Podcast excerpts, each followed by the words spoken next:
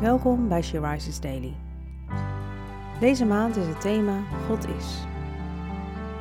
En vandaag luisteren we naar een overdenking van Anouk over Hebreeën 10, vers 23.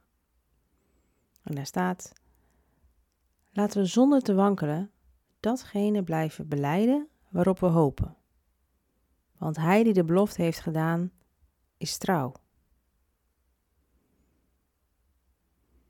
Heb jij iets waar je op hoopt? Ik geloof dat er een heerlijke toekomst voor ons klaar ligt. Dat is de hoop die ik heb. En als ik de tekst hierboven lees, moet ik denken aan de tekst uit Jeremia 29, vers 11. God heeft voor ons een hoopvolle toekomst voor ogen. Een toekomst zonder dood, zonder verdriet, zonder rouw of pijn, want die dingen horen bij de oude wereld. Zoals ook in Openbaring 21, vers 4 staat. En dat betekent niet dat ons hier op aarde pijn, lijden of tegenspoed bespaard blijft. Maar we mogen wel weten dat Hij in elke situatie bij ons is en ons wil vullen met innerlijke vreugde en vrede.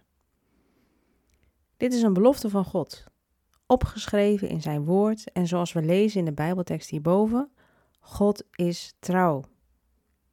We mogen daar ook van getuigen. Getuigen naar de wereld om ons heen. Getuigen van het geweldige offer dat Jezus voor jou en mij heeft gebracht. Door dat ene offer heeft Hij ons voor altijd volmaakt gemaakt. Omdat Jezus zijn leven en zijn bloed heeft gegeven, mogen wij bij God komen. Wat een geweldig vooruitzicht, voor eeuwig bij Hem. Wat wij daarvoor moeten doen? Het enige wat we hoeven te doen is dank u wel zeggen. Dank u wel, Heer, voor dit geweldige offer dat u hebt gebracht voor mij. Kun jij dit ook zeggen?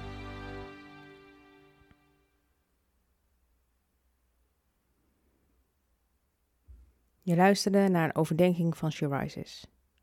She Rises is een platform dat vrouwen wil bemoedigen en inspireren in hun relatie met God. We zijn ervan overtuigd dat het Gods verlangen is dat alle vrouwen over de hele wereld Hem leren kennen. Kijk op www.she-rises.nl voor meer informatie.